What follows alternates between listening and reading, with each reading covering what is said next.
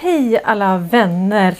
Varmt välkommen till höst med Fröken Vithatt. Det är den 14 november. Alltså tiden går så fort. Och eh, jag tänkte att vi skulle pigga upp oss idag. Ursäkta. Med lite vackra höstbilder som Mats Larsson har gjort. Eh, och det är vi jätte... Det är jag väldigt tacksam för. Han gör ju alla intron och allting. Och eh, ja, vi har så mycket att täcka idag för att nu har det ju blivit ja men ni vet lite andra typer av eh, eh sittningar. med strand och eh, med Derek och då hinner man liksom inte med det vanliga. Eh, och eh, jag tänkte att vi ska börja med eh, jag vet inte om vi ska börja med lite historia. Jag tror vi ska börja med en tänkvärd sak faktiskt. Ehm, det här är precis som jag känner faktiskt. Eh, det här är Karen med Q. Och ehm, hon pratar här om, eh, om desinformationen. Och ehm, det är så här att vi är... Hör, hör ni mig? Jag får sätta på ljudet så kan ni ringa mig om det försvinner. Eh, jag går in i min bubbla nu. Eh, vi har gått igenom det här folkbildningsprojektet i flera år och SING-operationen är inte bara taget, alltså det är inte bara till för att ta ner den här, det här träsket, ta ner svampen som bara liksom den här cracken som egentligen bara har genomsyrat allting utan det här är det här är för att sätta fingret på oss själva. Hur den här indoktrineringen har lyckats. Vilket genomslag. Och man kan säga så här, ni som lyssnar på det här. Då har inte indoktrineringen lyckats sådär väldigt bra. Det är klart att vi har saker som vi har missat och sådär men eh, vi förstod ändå galoppen relativt fort allihopa. Vissa förstod det tidigare än andra men det är inte det som spelar någon roll utan nu är vi här. Och frågan är allt det som har lagts ut för oss de sista åren. Hur vet vi vad som är sant? Och jag kan förstå att eh, när man pratar med folk och så säger man så här, nej men alltså CBDC, det är inte CBDC. Det är en ny valuta i det nya systemet som är elektronisk som måste kunna möta alla de elektroniska pengarna vi har. Eh, eller att det som vi ser på TV om olika konflikter, Ukraina, nu i Israel och eh, Palestina. Eh, det är, inte, det är inte precis vad de berättar för oss. Och tanken är att de här historiska händelserna, det ska eh, det som händer just nu ska sätta fingret på de historiska händelserna.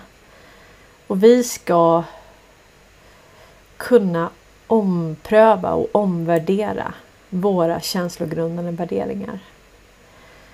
Och då kan inte vi tro på allting vi ser. Vi måste kunna få en ha en större bild. Vi måste kunna stå på historien. Så vi ska gå igenom lite historiska avtal idag som, som ligger till grund eh, för de här för konflikten i, i Mellanöstern och hur man har utnyttjat det.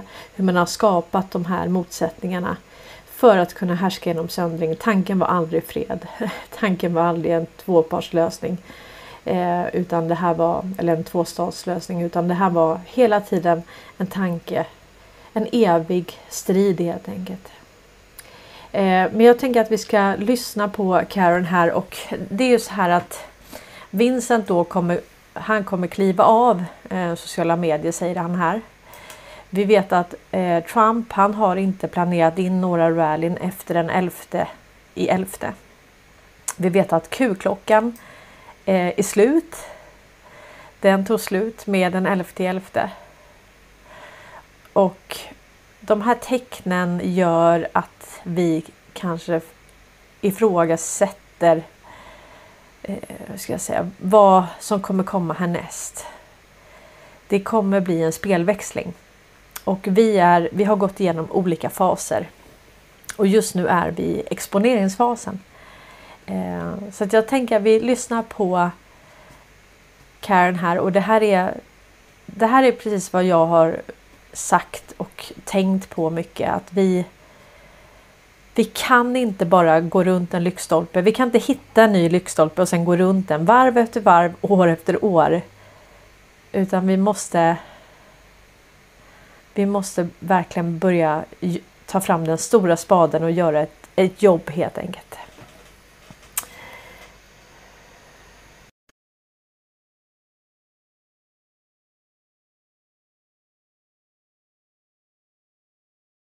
If you follow VK on X, you should know that he is leaving November 22nd this month.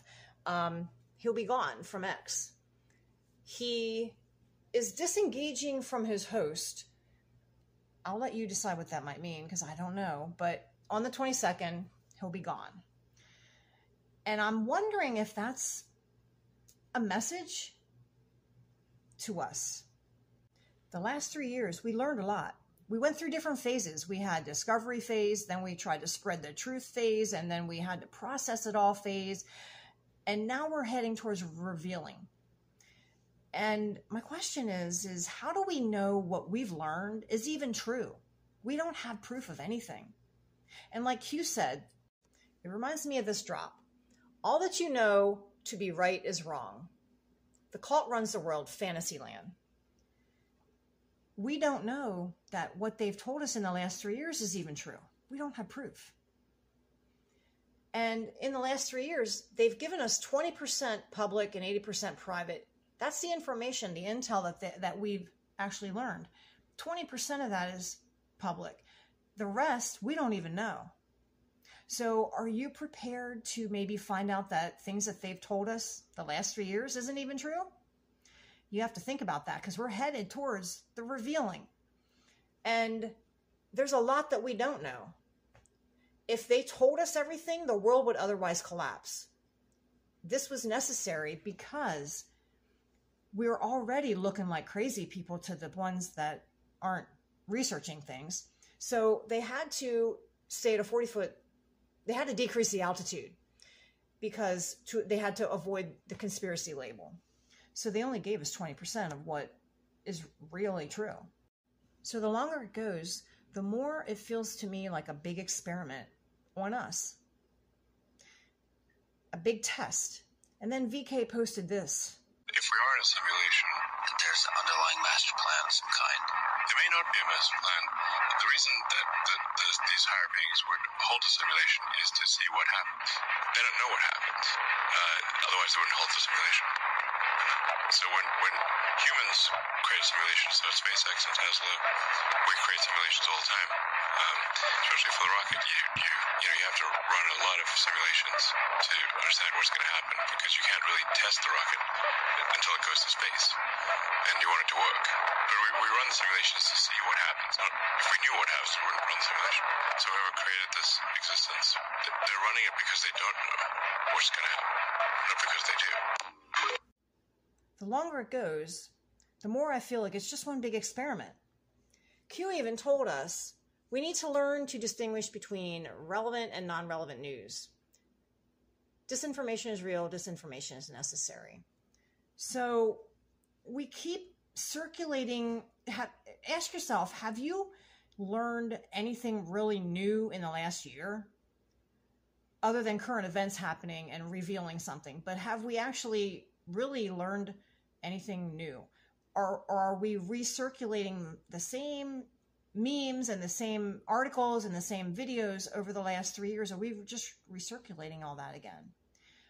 I see it coming back through again and again and again. And, and it's kind of like, how long are we going to, how long are we going to do that?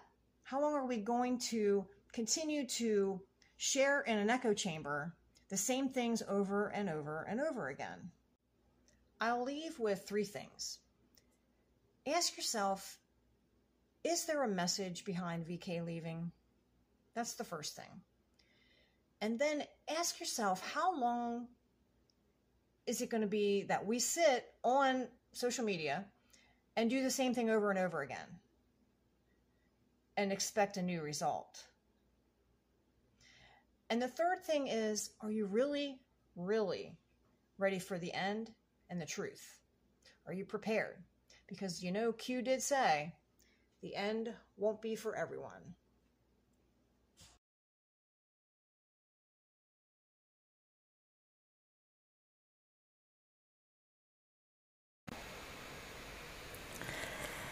Så, eh, visst har hon rätt. Eh, alltså vi här som är med på det här och som går tillbaka i historien. Vi har ju historiespacen på X. Vi har eh, Karl Norberg som är våran eh, nationalklenod kan man säga som är som ett levande uppslagsverk som hjälper oss att förstå historien.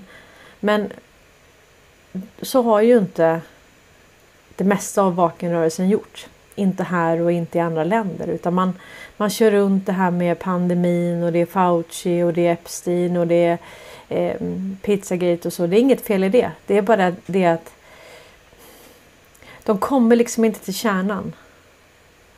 Så när, när Karen nu eh, utmanar communityt i USA att eh, gräva djupare att göra jobbet, att faktiskt förstå. Att förstå det som har hänt med Law War, det som har hänt med exekutivordrarna, kapitulationsturnén, det som har hänt bakåt i historien som bara upprepar sig och upprepar sig. Vi har Nazi World Order. Även de som har läst Q pratar fortfarande om New World Order. Men Q har ju sagt att N står inte för New, det står för Nazi. Och den har aldrig försvunnit. Vi har haft en Nazi World Order hur länge som helst. Och den, har rikt, den bara växte sig starkare efter andra världskriget. Den dog aldrig, den försvann aldrig. Det var aldrig så att de blev fällda eller ställda inför rätta eller att man fick bukt med de där företagsintressena. Varken efter första världskriget eller andra världskriget. Eller kalla kriget eller där vi är nu. Utan det, det är bara det bara går om och om igen. Och det som är lite intressant med Dr. John Halper Hayes som jag ska intervjua imorgon på liven klockan 12. Det är att hon pratar om de här överstatliga organisationerna. WHO, FN, eh, ja, WTO, alla de här. Världsbanken, IMF. Hon pratar om alla dem som nazistorganisationer. Jag tycker det är intressant. Det pekar liksom mot att hallå, gräv här. Vi har Ryssland som eh, berättar för oss att, att Sverige är ett nazistiskt land. Så samtidigt som man avnazifierar Ukraina så säger man i samma andetag att Sverige är nazister. Det är byggt på nazism.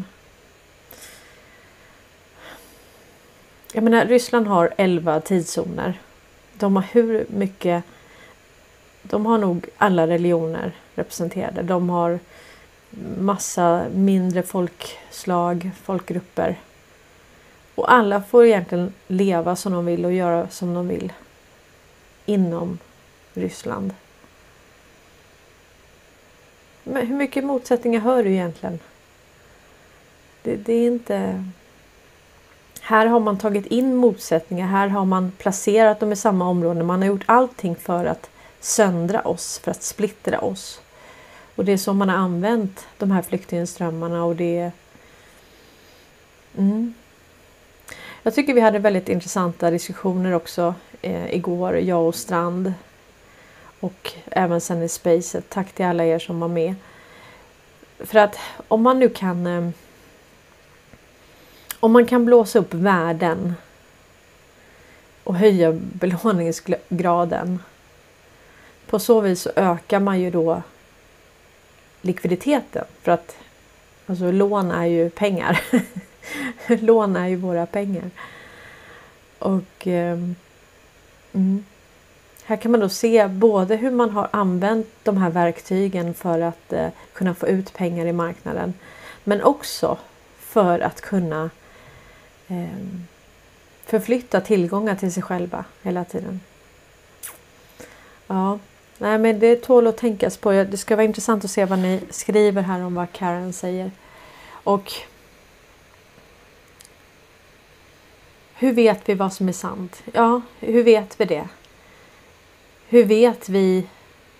Ja, det, det är så mycket som, som sprids i de här kretsarna som, som jag har gått emot, som jag ifrågasätter. Och eh, det är inte så att det är inte så att vi är fritänkande på det viset att det är okej okay att jag inte rättar in mig i ledet i vakenrörelsen. Utan här är ett annat narrativ som ska dominera och går du utanför det narrativet då blir du lynchad. Så det är inte så här, åh nu är vi avprogrammerade, jippi, nu får man tycka vad man vill och säga vad man vill. Nej, det är väldigt tydligt. Det är väldigt tydligt att man får inte gå emot deras narrativ. När de säger att, att alla ska dö, att det är nanopartiklar och du ska kopplas upp mot 5G, eh, de kommer döda oss allihopa. Går du emot det? Det är inte okej. Okay. Om du säger att eh, CBDC kanske inte är det de utmålar.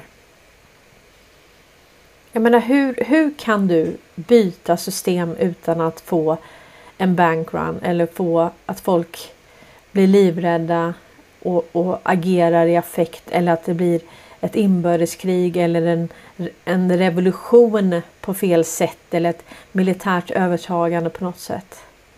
Ja, men tänk på USA. Hur många har vapen i USA?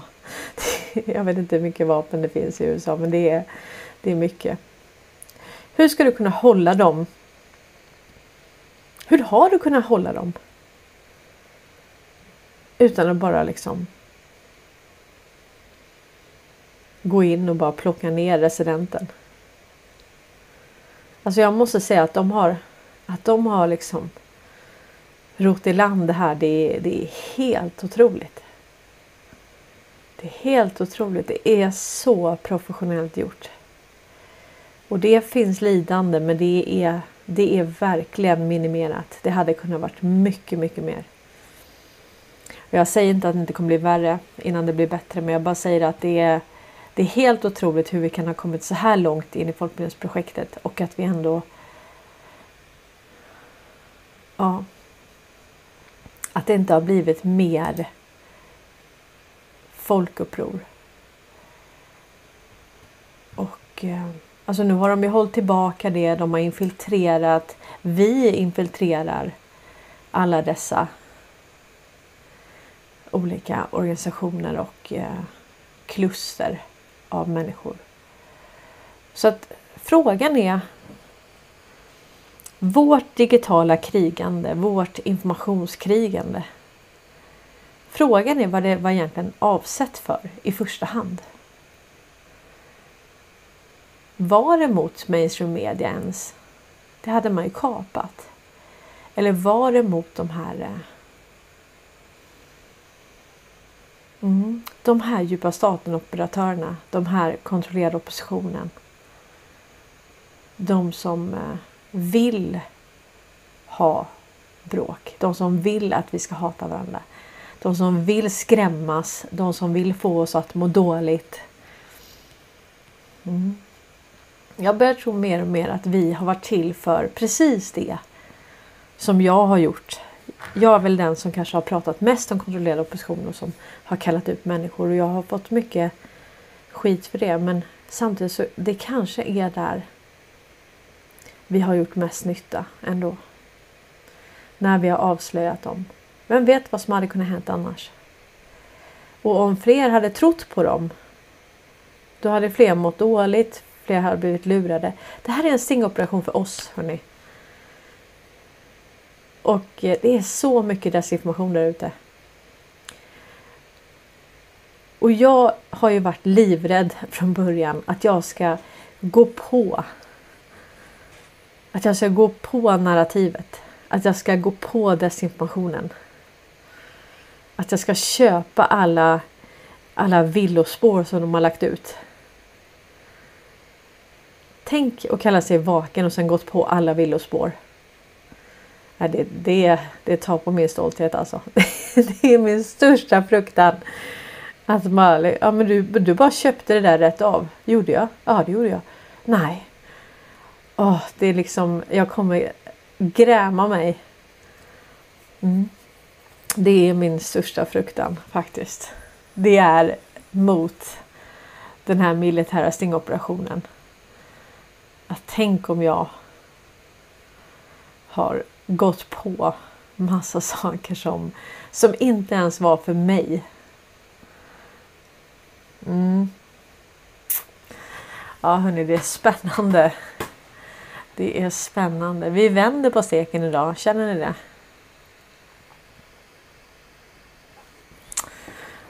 Nu ska vi se vad ni säger. Eh.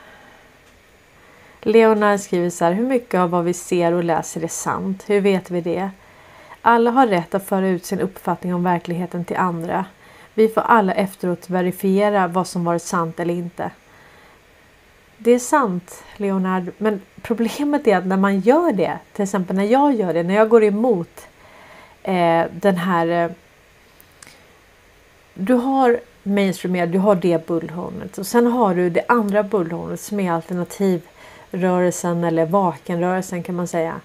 Och när du går emot det narrativet. När du går emot narrativet att alla ska dö, militären är ond, eh, nu kommer New World Order. Går du, går du emot det narrativet. Då det är inte okej. Liksom. Du, du, kan, du kan misstro allt annat. Men misstror du det? Eller du tänker att ah, men CBDC är inte det de säger utan det är Ehm, det är QFS.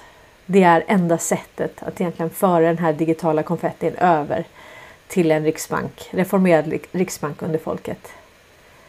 Men säger du det, det är bara att lyssna på när jag var i det amerikanska spacet och pratade om CBDC. Alltså det, det, de blir så provocerade de blir så fruktansvärt provocerade att du kan se det på ett annat sätt. Så att eh, vi, har, vi har mycket jobb att göra. Och var, varför är det viktigt? Jo, men det är viktigt att förstå hur pengar skapas.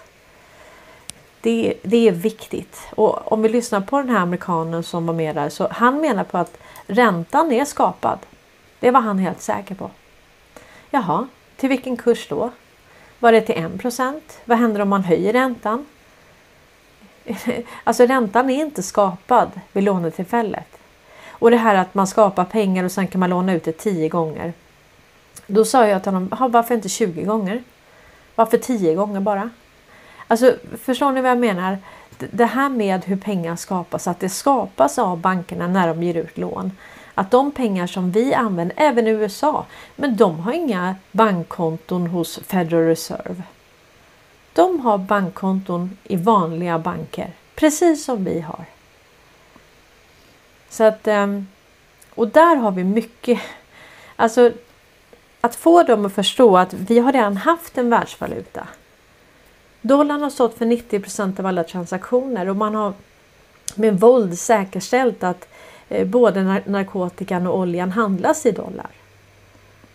Nu har vi 80 nästan av eh, jordens BNP som går ihop och säger nej men vi, vi tänker inte handla i dollar. Då är de ju olydiga för innan så säkerställde man ju genom den militära armen att, de, att all handel skedde i dollar. Och det tyder på att BIS är övertaget. Så Bank of International Settlements är övertaget. Annars hade dollarn fortsatt dominera och då hade det blivit sanktioner på en, på en helt annan nivå än vad vi ser idag.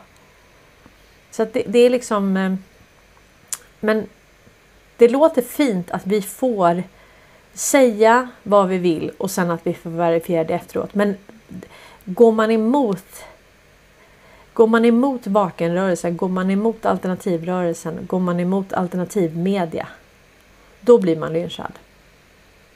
Jag blir inte alls lika lynchad av TV4 eller SVT eller utan det är liksom de som ska vara mina egna. Det, det är där man inte får ha en avvikande åsikt. Då blir det en kollektiv bestraffning i det nya kollektivet. Vi är ett nytt kollektiv. Och vi har hittat nya lyktstolpar som vi bara ska gå runt, runt, runt. Och det är bara de lyxhopparna som man får gå runt. typ. Så att Ähm... Ja hörni, vi har, det är mycket Det är så mycket som händer och ähm... Jag tänkte vi, vi, ska, vi ska prata lite historia idag. Det är bra, vi har, vi har tid. Eh, vi ska prata lite om historia. Nu har man då hittat att man tillverkade stål här uppe redan under romar, romartiden, romarriket. Eh, och det här innebär nu att nu får man då skriva om historien. Det är ändå lite lustigt att man gör den här typen av fynd precis just nu. Va? Liksom, det är så mycket man, har också under den här tiden, ja, men sedan 2020, hittat att oj då, vikingarna var visst i USA liksom på 1000-talet. Eh, det har vi aldrig vetat, då får vi skriva om den historien och så. Eh, och eh, det där Mm. Det är dripp, dripp, dripp, dripp, dripp av information och man har haft den här informationen hela tiden. Det är bara ett spel för galleriet. Eh, vi ska lyssna på det här om eh, stålet i norr. För, för det här talar för det här talar för vikingatiden, det här talar för dominansen eh, det här talar för Sveriges roll i historien. Och det är den man egentligen får skriva om. Att vi var inte helt obetydliga kanske på den tiden heller. I den här delen av världen.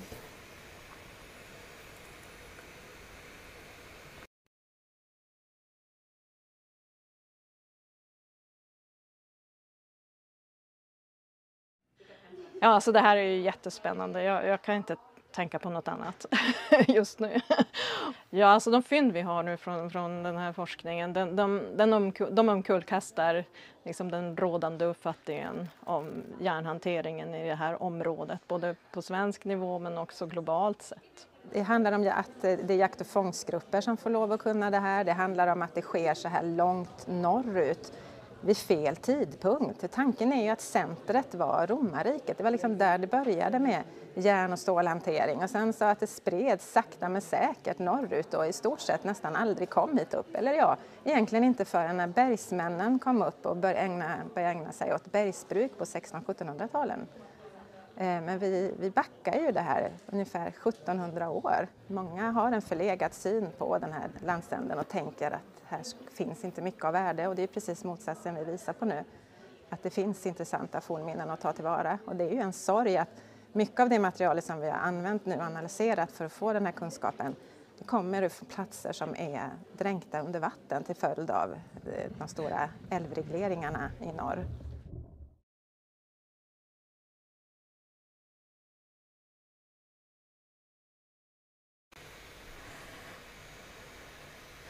Ja, det, det, är, det är lite lustigt att allt det här eh, kommer nu. Eh, jag tänkte att vi fortsätter lite på historia eh, för att det här är det är faktiskt väldigt viktigt. Jag hade fört över en fil men nu vet jag inte var den är. Eh, där kom den.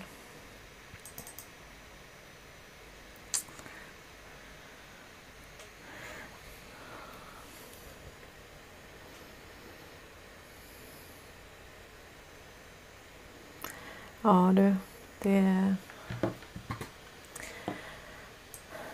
Det här är ju rätt intressant då.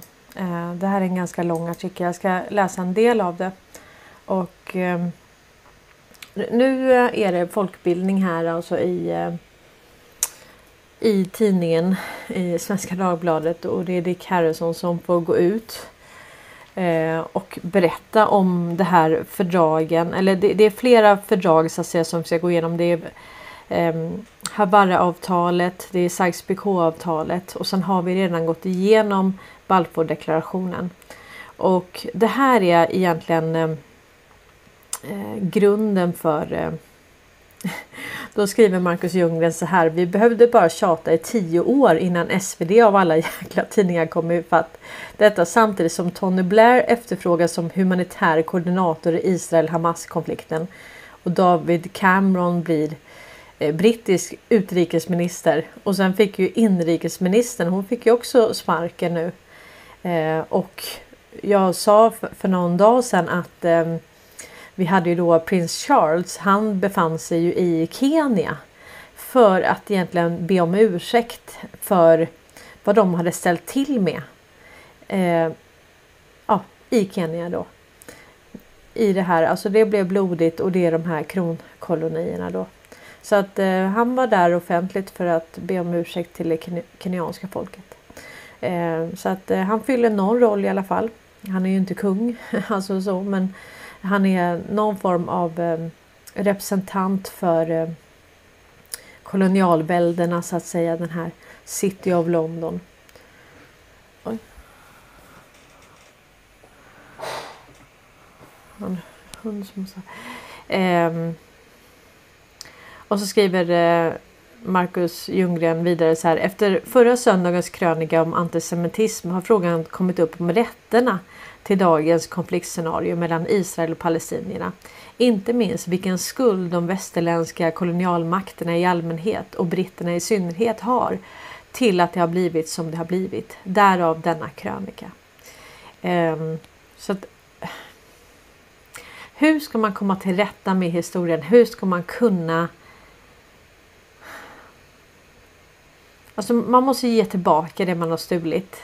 Och, och, man kommer inte kunna få tillbaka sin frihet som man har blivit berövad under den här tiden eller de möjligheter man hade kunnat haft eller, eller den tid man hade kunnat lägga på, på sin familj och på andra saker. Men eh, det kommer komma någon form av kompensation. Och det kommer inte stå i paritet med vad man har varit utsatt för. Och det gäller alla oss. Vi har varit utsatta för ett sånt bedrägeri. De har stulit precis allting från oss. De har stulit vår tid. De har stulit, stulit vårt liv. De har stulit våra möjligheter. Och, vi hade en intressant diskussion igår i Spacet. Eh, det här med att man ska tro på barnen och, eh, och, och det, det, låter jättebra. Men, men, problemet är att du har föräldrar med, med, med krossade drömmar. Det, det, tar, det, det tar olika lång tid att förstå att för att kunna få ett bankkonto måste du ha en inkomst. För att kunna leva så måste du ha en försörjning. Så att det dröjer inte så länge. Man, man kan hålla emot och kanske resa jorden runt och så men rätt vad det är om man nu vill bo någonstans, man vill ha ett bankkonto, man vill kunna ha pengar så man kan leva och överleva. Så behöver man på olika sätt foga in sig i det här systemet. Foga in sig i ledet helt enkelt. Så jag har ju fött upp fyra barn, eller tre egna och ett bonusbarn som har bott med mig hela tiden. Och vad säger man till dem? Så att säga? Vilka, vilka möjligheter finns det? Eh, och om man säger så här, nej mamma jag vill resa jorden runt eh, tre varv. Jaha, liksom vem ska betala det? Och hur? Alltså du vet, och det är inte så att man vill krossa sina barns drömmar, absolut inte. Men, men det är bara det att det här systemet har stulit. Det har stulit allting från oss och förr eller senare så inser man det. Så att de som föder upp barn, det är föräldrar med som förstår premisserna för det här samhället som de har skapat åt oss som vi inte har beställt för fem öre. Och eh, ja, det kommer bli någon form av upprättelse. Det kommer inte liksom stå i paritet med det som... Alltså hur kan man... Det blir ju ändå liksom monetärt men monetärt är inte så viktigt. Det är bara en ursäkt då. Alltså det som... Det enda som skulle bita på mig. Som jag skulle vilja ha. Det är en möjlighet framåt att faktiskt kunna leva utan att kämpa på det viset. Någon form av basinkomst. Sen om man vill ha mer så kan man göra mer och eh, det är inte så att någon kommer sitta på, på rumpan och bara äta chips och eh, liksom eh, ligga i soffan. Det kommer inte vara på den nivån utan sann omtanke, sann kreativitet, sann livsglädje kommer mynna ut ur det. Så det enda jag är intresserad av det är att få tillbaka mitt liv framåt. Det är det enda som biter på mig. Och då har jag vissa behov som människa. Jag behöver ha någonstans att bo. Jag behöver kunna äta mig mätt och jag behöver kunna ha värme för vi har kallt här på vintern. Det är vad jag behöver. Jag behöver inte så mycket mer. Och sen kan jag när då behöver inte jag jobba och, och liksom hjälpa till med humanitära projekt och så. Jag behöver inte göra det med andan i halsen. Jag menar tänk dig nu, de som har velat göra gott eller hjälpa till, de har fått göra det på sin fritid. Alltså det är, ingen som, det är inget jobb. Det är inte heller ett jobb att ta hand om sina egna barn. Det är inget jobb att ha en familj. Nej. Mm, jag tycker man lägger rätt många timmar ändå. Och fler timmar borde man lägga och, och, och lagt. Det, det är det som biter på mig och det är det jag tror. Alltså att kunna få en frihet framåt. Att faktiskt ha tid att andas. Komma ur ekorrhjulet liksom.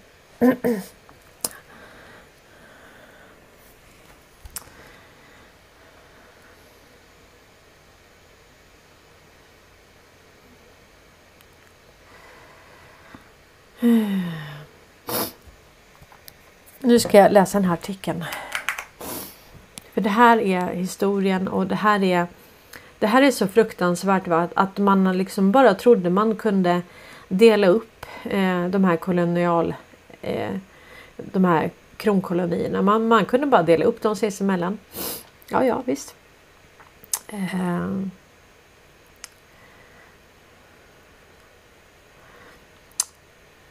Och så skriver, eh, jag läser Markus här. Låt oss börja med första världskriget. Som så många av andra nutidens eländen kan den moderna Palestinakonflikten härröras till denna urkatastrof. Låt vara att den som så önskar kan spåra rötter ännu längre tillbaka.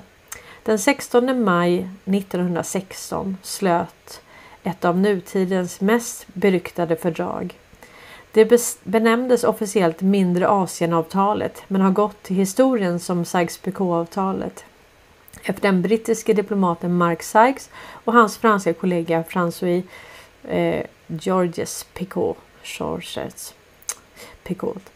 Eh, i och med detta kulminerade den uppstyckning av världen i kolonier och intressesfärer som hade eskalerat under andra hälften av 1800-talet och som medförde att engelska och franska idag är världsspråk. Syftet med 1916 års fördrag var att förebygga framtida gräl kolonialmakterna emellan genom att i förväg stycka upp det Osmanska riket så att man visste vem som skulle ha vad när första världskriget var vunnet. Genom att lova land åt båda folken hade britterna sått ett farligt frö till framtida fejder. Resultatet av överläggningarna, som också Ryssland godkände, gick ut på att Storbritannien skulle få kontroll över vad som idag är södra Irak, Jordanien och vissa delar av Palestina. Medan fransmännen skulle få Syrien, Libanon, norra Irak och en bra bit av sydöstra Turkiet. Armenien, Konstantinopel och sunden mellan Svarta havet och Medelhavet gick till Ryssland. Man lämnade också utrymme för några internationella zoner, dels i Palestina och dels vid eh, Alexandretta i nuvarande Turkiet. Avtalet låg till grund för uppstyckandet av Mellanöstern i brittiska och franska zoner i början av 1920-talet. Alla berörda utom de europeiska politikerna ignorerades. De sionistiska judarna hade utlovats ett hem i Palestina som tack för att de stödde Storbritannien i kriget. Balfourdeklarationen handlade om. Araberna hade också utlovats självständighet som tack för att de hade gjort uppror mot turkarna. Genom att lova land åt båda folken hade britterna sått ett farligt frö till framtida fejder. Men när avtalet blev offentligt kunde både judar och araber konstatera att de hade blivit lurade. De europeiska stormaktsledarna hade ingen tanke på att lämna ifrån sig krigsbytet till de människor som bodde i det. Invandringen och bosättningen resulterade i en växande arabisk vrede och de båda folken drabbade vid flera tillfällen samman i våldsamma uppgörelser. När Palestina lösgjordes från Osmanska riket blev det alltså varken judiskt eller arabiskt utan brittiskt. Men detta hindrade inte att de förfördelade detta hindrar inte de förfördelade från att planera inför framtida självständighet. Under mellankrigstiden emigrerade många sionistiska judar som drömde om ett nationellt hem i Israel till området och besatte sig på marker som man hade köpt från lokala godsägare. Invandringen och bosättningarna resulterade i en växande arabisk vrede och de båda drabbades samman vid flera våldsamma uppgörelser. Allt detta gjorde britterna som ju inledningsvis hade godkänt immigrationen till det nationella hemmet.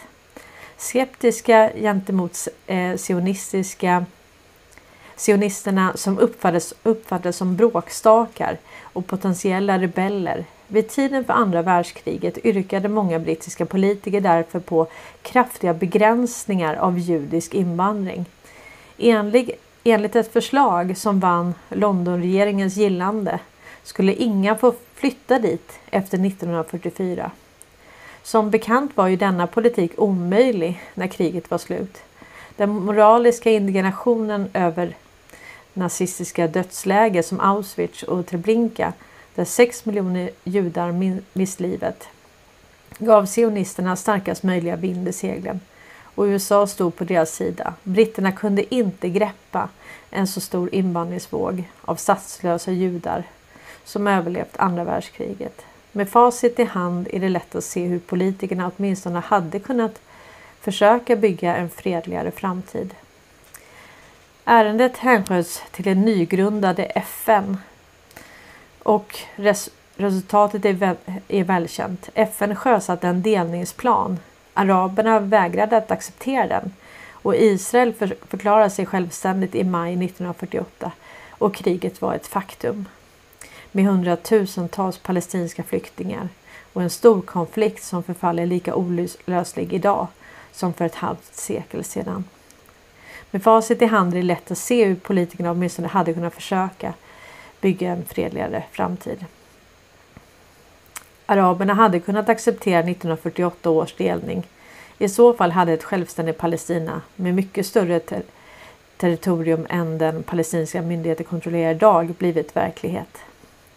Men då glömmer man en gammal latinsk sentens som för svenskt vidkommande brukar förknippas med Axel Oxelstierna. Anesis me fili quantilla prudentia mundus regatur. Vet du inte min son med hur lite förstånd världen styrs? I Norrland haver vi ett Indien om vi förstår att förvalta det väl, sa han också. Ja hörni, det här är ju på alla läppar nu. Och eh, det finns ju lite olika kartor som cirkulerar och eh, här är en karta från 1948. Så det här med kartor, eh, landsgränser, allt det här. Jag menar, vi får tänka på att det bodde ju människor i de här territorierna. Eh, så här ser man då eh, hur stort eh, Palestina var då och hur lite de har nu. Så att det här är ju Jag menar, du har olika människor, alltså du har människor, du har folk, du har traditioner, du har kulturer och så bara går man in och så sätter man upp en gräns. Nu är det här det här landet och det ska kontrolleras av de här. Alltså vilka trodde de ens att de var? Så här kan det inte gå till. Det är inte klokt liksom. Mm. Vad säger ni?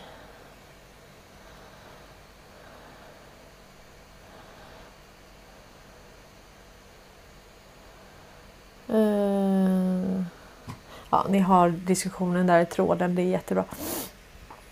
Uh, mm.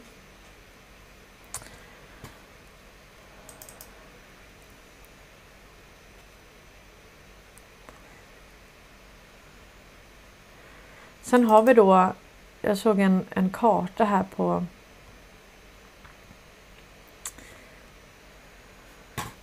på världsbefolkningen. Alltså nu, jag kan inte säga att det här stämmer, det vet vi ju inte men ja. det är ändå lite intressant för att Afrikas yta då. Det är 30 1,37 miljoner kvadratkilometer. Eh, och där bor det då 1,4 miljarder lite drygt. Sen har vi då Kina. Eh, om Afrika var 30 miljoner kvadratkilometer så är Kina knappt 10 miljoner kvadratkilometer. Och där bor det lika många, ungefär 1,4 miljarder. Och sen har vi då USA är ungefär som Kina 9,8 miljoner kvadratkilometer. Och eh, där har man då 331 miljoner. Och sen har vi Europa då som är 700 eh, Europa är 10,18 miljoner. Så att Europa, hela Europa är ungefär som USA och Kina då. 10,18 miljoner kvadratkilometer. Och eh, det bor ungefär 743 miljoner i, i Europa. Och sen har vi då Ryssland som är 17 miljoner kvadratkilometer. Och där bor det 143 miljoner. Det som är intressant här det är ju att vi har ju vi har ju helt missförstått hur, hur stor, alltså hur eh, Afrikas yta, alltså hur mycket större det är. Om du tänker på att Ryssland har 17 miljoner så har Afrika 30. Och alltså det finns ju så mycket naturresurser i Afrika. Och där har man ju varit. Där har man varit och snyltat och. Mm. Jag tror att vi, vi har tänkt ganska fel. När det gäller kartan då här är en väldigt konstig karta. Men det var ju det inlägget så att... Um, ja, ja. Intressant i alla fall.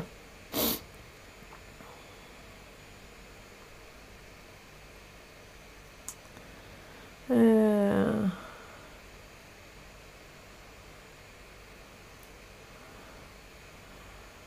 Tänkte jag skulle läsa någonting.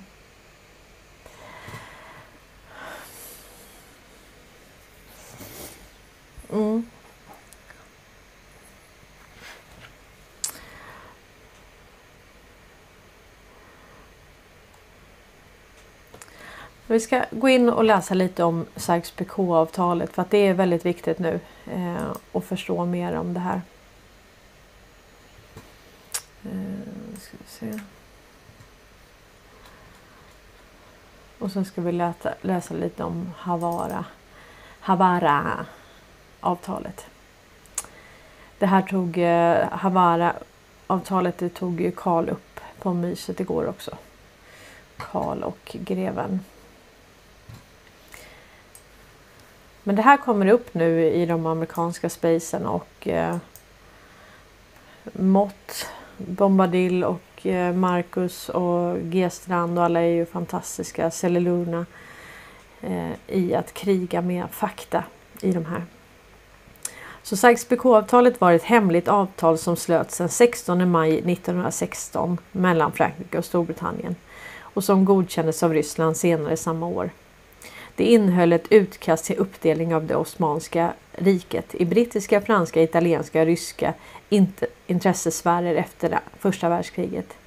Avtalet gavs namn efter Sir Mark Sykes, en brittisk underrättelseofficer officer och den franske diplomaten Frans Georges Picot. Eh, avtalet offentliggjordes när bolsjevikerna öppnade de tsarryska arkiven. Det är ju Ryssland som har avklassificerat väldigt mycket information. Så det vet vi. Avslöjandet av innehållet publicerades först i Vestia och Pravda den 23 november 1917. Några dagar senare återgavs avtalstexten i The Manchester Guardian. För de inblandade parterna var avslöjandet pinsamt och väckte tilltagande misstroende mellan parterna och araberna. Araberna hade lovats, eller i vart fall av engelsmännen förespeglas en självständig arabisk statsbildning om de gjorde uppror mot det Osmanska riket. Det här är ju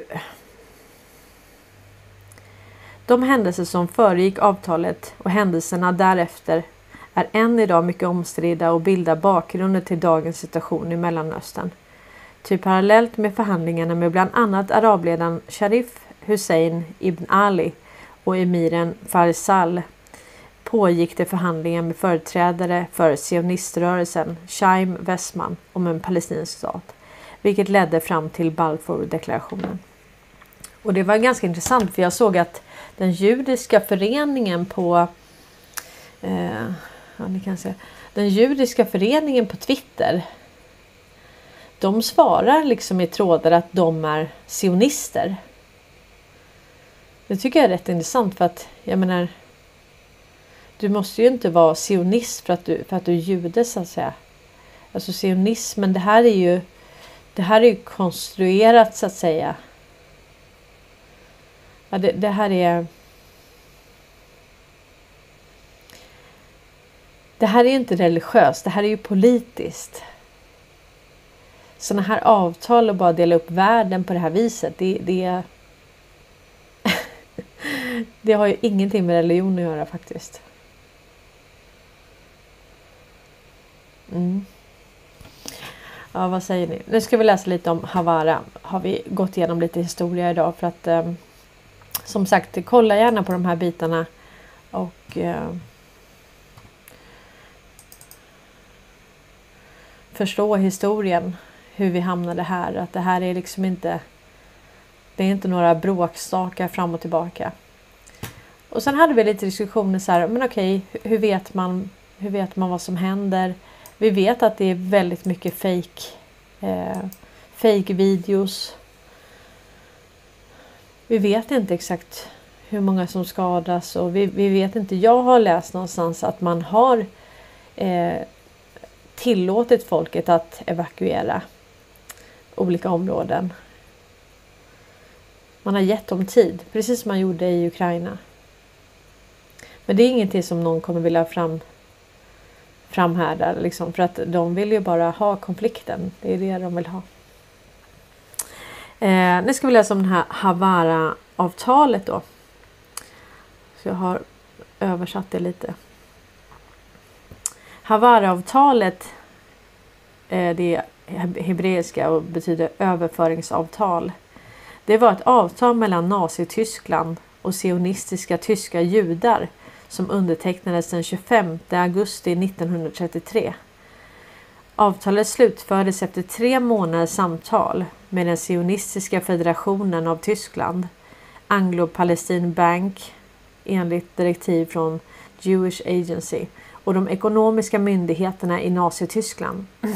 Det var en viktig faktor för att möjliggöra migrationen av cirka 60 000 tyska judar till Palestina mellan 1933 och 1939. Avtalet gjorde det möjligt för judar som flydde från förföljelse under den nya nazistregimen att överföra en del av sina tillgångar till det eh, brittiska obligatoriska Palestina Emigranter sålde sina tillgångar i Tyskland för att betala för nödvändiga varor tillverkade i Tyskland för att skickas till det obligatoriska Palestina.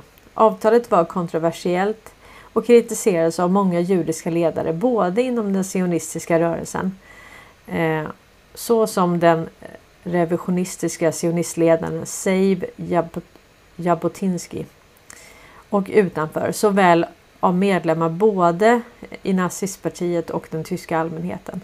För tyska judar erbjöd avtalet ett sätt att lämna en, mer, en allt mer fientlig miljö i Tyskland. För Jishuv, den judiska gemenskapen i Palestina, erbjöd den tillgång för både invandrararbetskraft och ekonomiskt stöd. För tyskarna underlättade emigrationen av tyska judar samtidigt som den bröt den antinazistiska bojkotten 1933 som hade massstöd av europeiska och amerikanska judar och ansågs av den tyska staten vara ett potentiellt hot mot den tyska ekonomin. Så även om nazistpartiet vann den största andelen av folkomröstningen i de två riksdagsvalen 1932 hade de ingen majoritet så Hitler ledde en kortlivad koalitionsregering som bildades av nazisterna och det tyska nationella folkpartiet. Under påtryckningar från politiker, industrimän, industrimän och andra utnämnde president Paul von Hindenburg Hitler till Tysklands förbundskansler den 30 januari 1933. Denna händelse känns som eh, Machtoref Machter Greitung maktövertagande. Under de följande månaderna använde nazisterna en process som kallas Gleichschachtung samordning, för att konsolidera makten. 1 juni 1933 var praktiskt taget de enda organisationerna som inte stod under nazipartiets kontroll, armén och kyrkorna.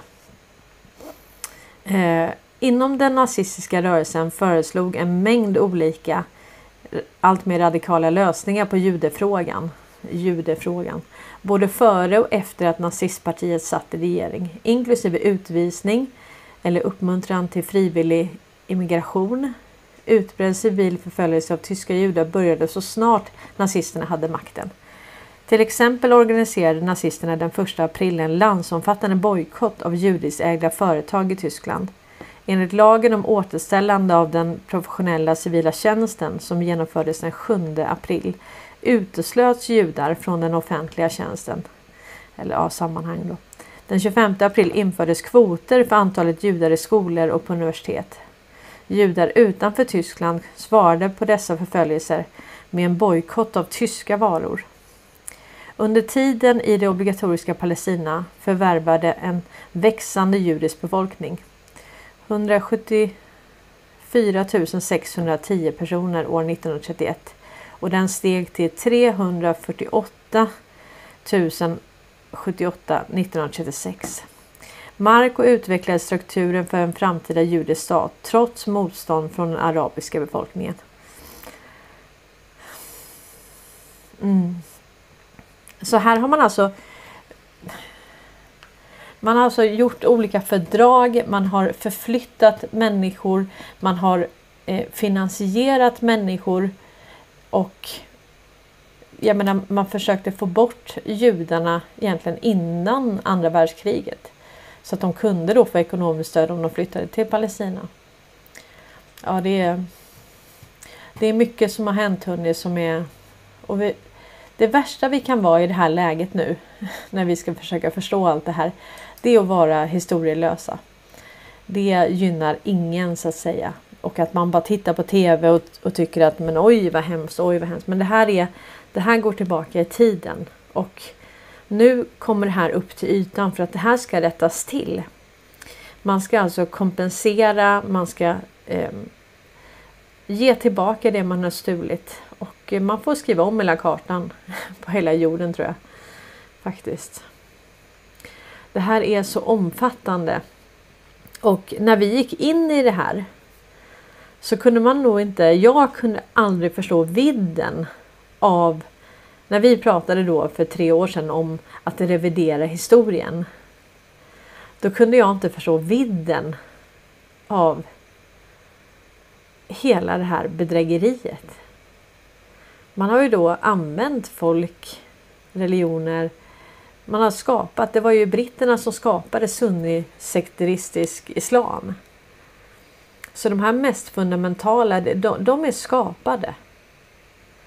Alla de här eh, Hamas och så, de är, de är skapade. Skapade av Israel, skapade, finansierade. Det finns inte så mycket som är organiskt. Det brukar vi prata om utan det, det finns liksom ingenting som är organiskt egentligen utan det är det är när man viftar dollarsedeln framför eller pengasedeln liksom.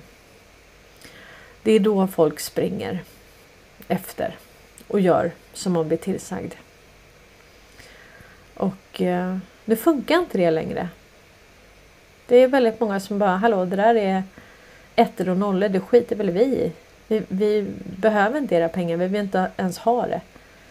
Så det som kunde då motivera människor innan, det är hjärndött nu. Det är tvärdött. Det går inte. Så att om man nu tror att det här folkbildningsprojektet inte biter och inte gör nytta så får man nog tänka igen. För det här, det här sitter precis där det ska.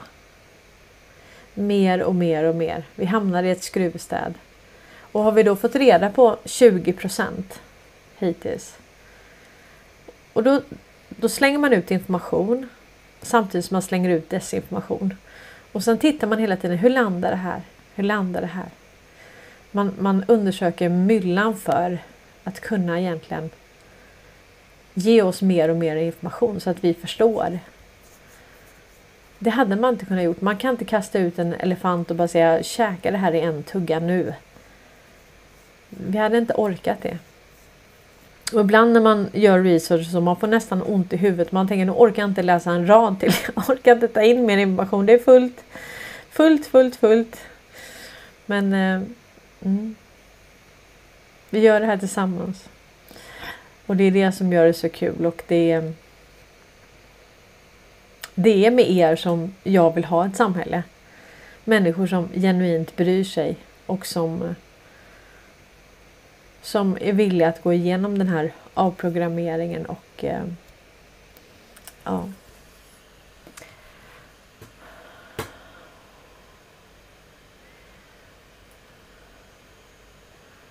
Jag tror att det är fler och fler faktiskt som, som börjar förstå mer och mer av eh,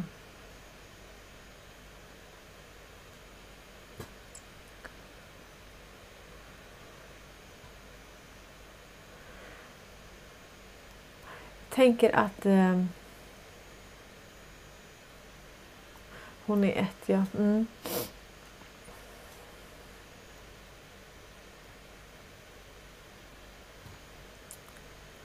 Vi kör lite nyheter då.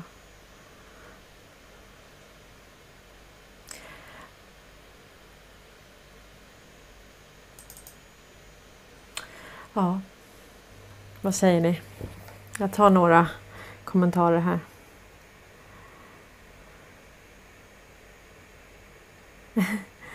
Veronica skriver att ett bra tips från Cornelia igår var att leta efter gamla kokböcker på loppis. Eh, ja precis, det är jättekul att hitta. Jag har hittat jaktböcker. Eh, jag har hittat ehm, eh, ja, men allt möjligt liksom. slakt, safta, sylta, konservera mat, olika inläggningar. alltså man, kan hitta Eh, man kan hitta jättemycket grejer alltså som är eh, som är jättespännande faktiskt att ha. Och jag tänker att och det som är intressant med kokböcker det är så här att det brukar stå i början så lite tips på hur man ska äta och så. Och jag kan säga att det är inte samma tips som det är idag. Man har ändrat totalt egentligen i eh, hur man tycker att man ska äta och så vidare. Så att... Um, och vi, vi, sitter ju i pudelns kärna hörni. Och eh, det här var från den 29 mars 2023. Wallenberg måste lö lösa Ericsson-härvan. Nästa år hotar ännu större kaos. Extra illavarslande är att fler svenska storbolag riskerar att dra dras in i liknande problem som Ericsson på årsstämmorna nästa år 2024. Ja, 2024. Vad har alla dessa? Jag menar varför skriver man den här artikeln? Då vet man ju att alla de här bolagen har ju begått liknande brott så att säga.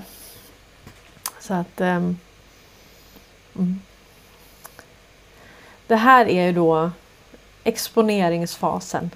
De exponeras hela tiden och uh, bara det vilket språkbruk man använder. Här är från Dagens Industri. Jag menar man, man sätter sig alltså och väljer de här eh, rubrikerna. Då skriver DI så här att eh, Ericsson har abdikerat. Bahnhofs VD John Carlung har blivit känd för sina uttrycksfulla och ärliga vd-ord. I rapporten för tredje kvartalet får telekomjätten Ericsson en släng av sleven. Mm. Det är inte så...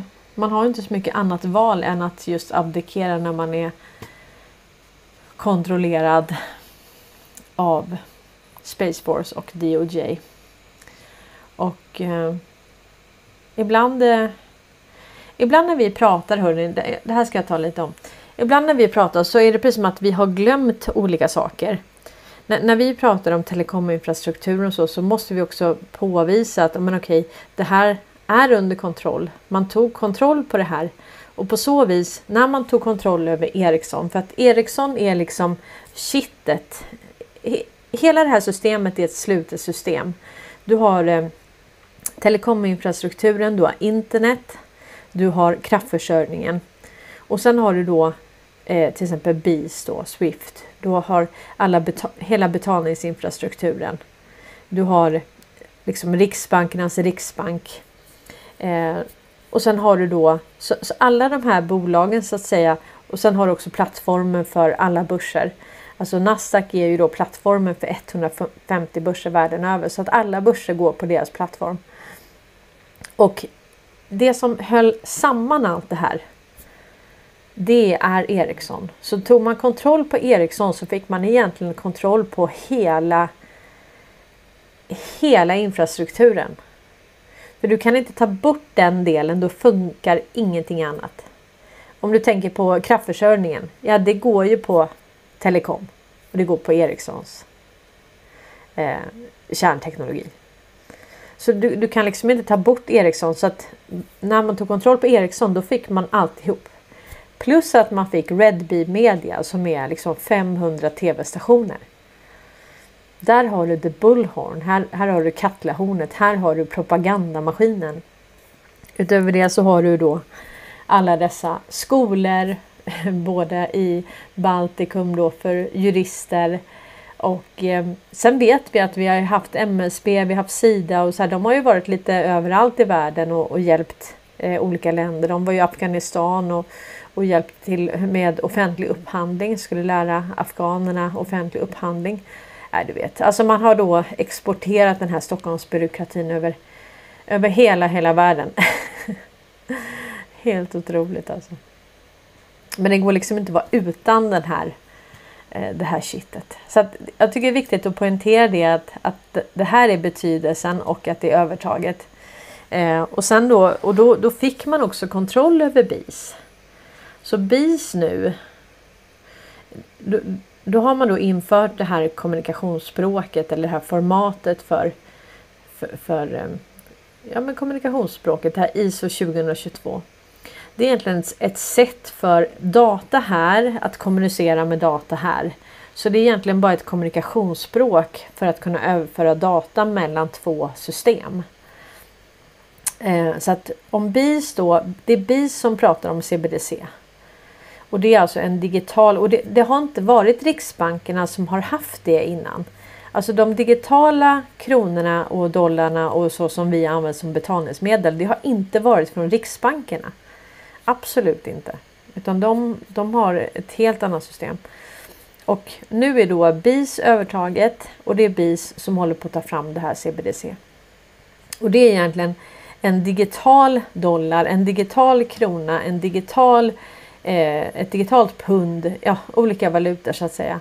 Det är egentligen bara för att du ska kunna föra över från det människor har på sina bankkonton hos de privata vinstmaximerande bankerna till, eh, till det här systemet.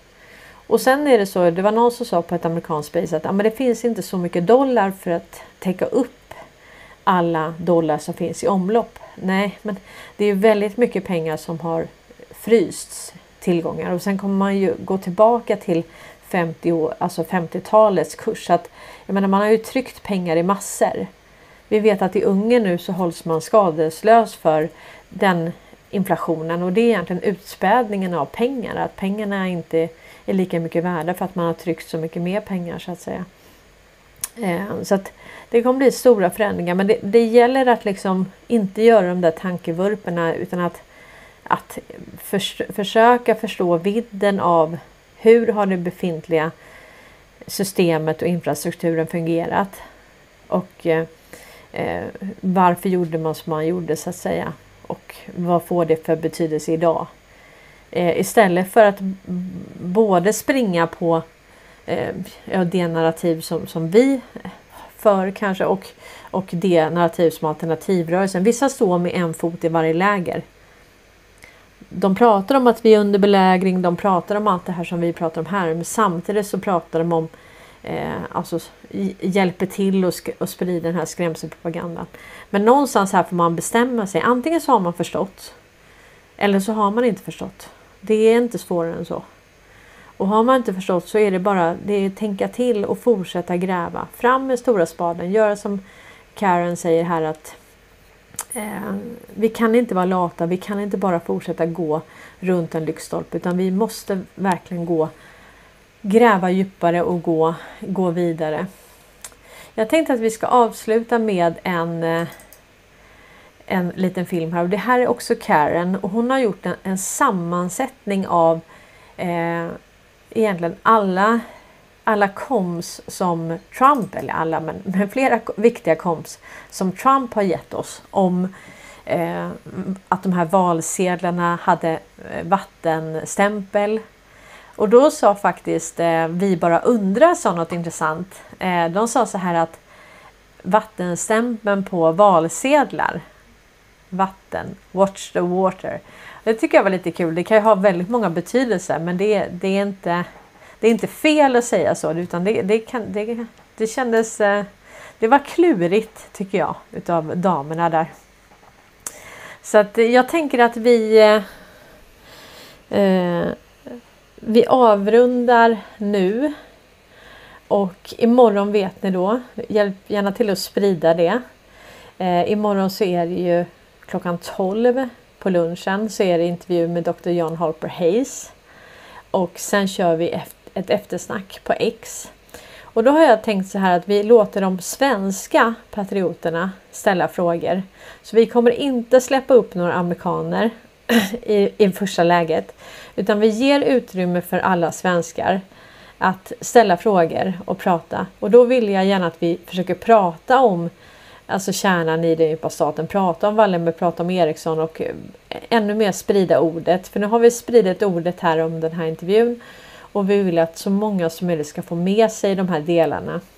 Och sen att hon kan få berätta för oss ännu mer om, om eh, Vatikanen, City of London, eh, Washington DC, det här avtalet 1871 när USA blev ett företag.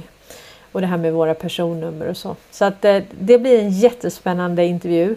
Hjälp, eh, har ni retweetat det eller delat det, ta tillbaka det och så dela det en gång till.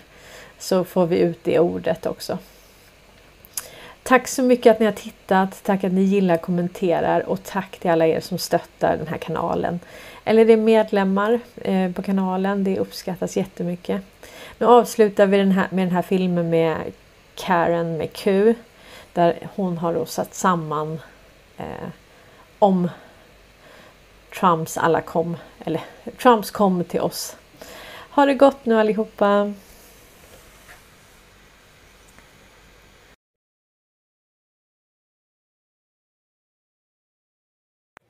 This is my favorite picture of this man. Yeah, Donald J. Trump. He did five rallies that day. Five. Five. And I put together something that maybe you want to give to your friends that are just kind of like realizing that Trump might have been telling us the truth the whole time, but they just never heard it. So I got a compilation of videos here. So let me start with when he gave power back to the people.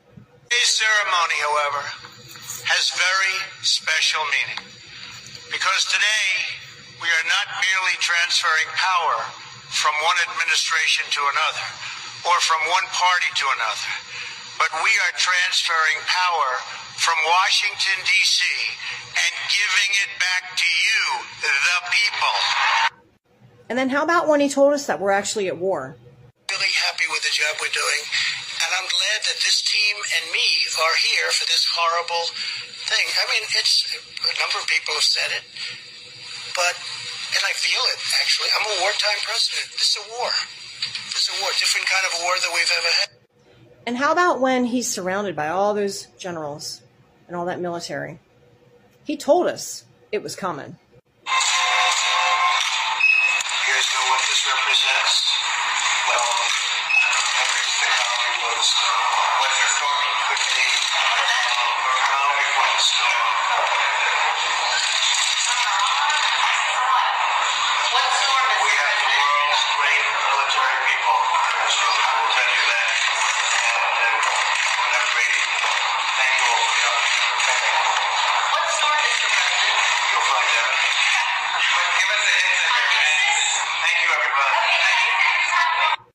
And how many times has he said this? These people are sick.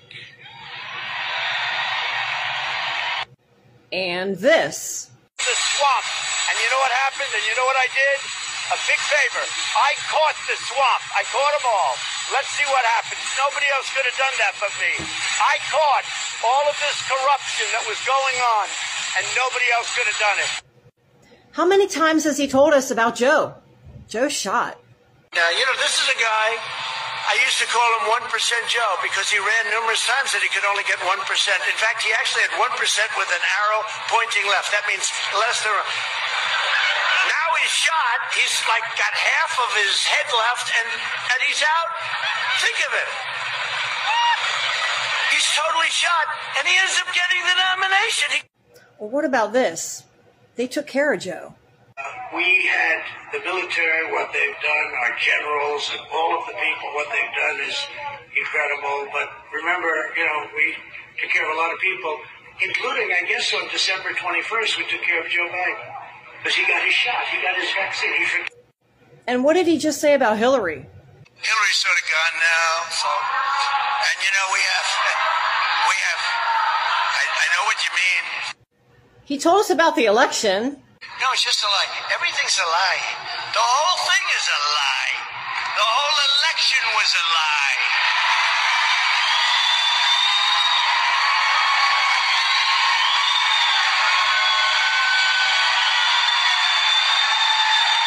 And they told us back then in 2020 that they used special ballots, and he just confirmed that. Same day voting, paper ballots. You know, they make a special paper that's almost impossible to forge. It's great. Watermark. Paper ballots. And voter ID is so it's so good and it's so easy. And you save a lot of money. And how about when he said he's never conceded? No, I never admitted defeat. We have a, a lot of things happening right now. I think that that was an election that was, I don't think, all you have to do is read the newspapers and see what's coming out now. No, I never, the word is concede. I have not conceded. And how many times do we have to tell you you're watching a movie? I was the perfect person. I was like central casting. Central, hey, you know what? Eddie, central casting. Look at that guy, central casting. These are central casting. If I'm doing a movie, I pick you, General. Central casting. Very impressive. That was your central casting. So do you believe him when he says this? I know I do. How much more can one person do to prove it?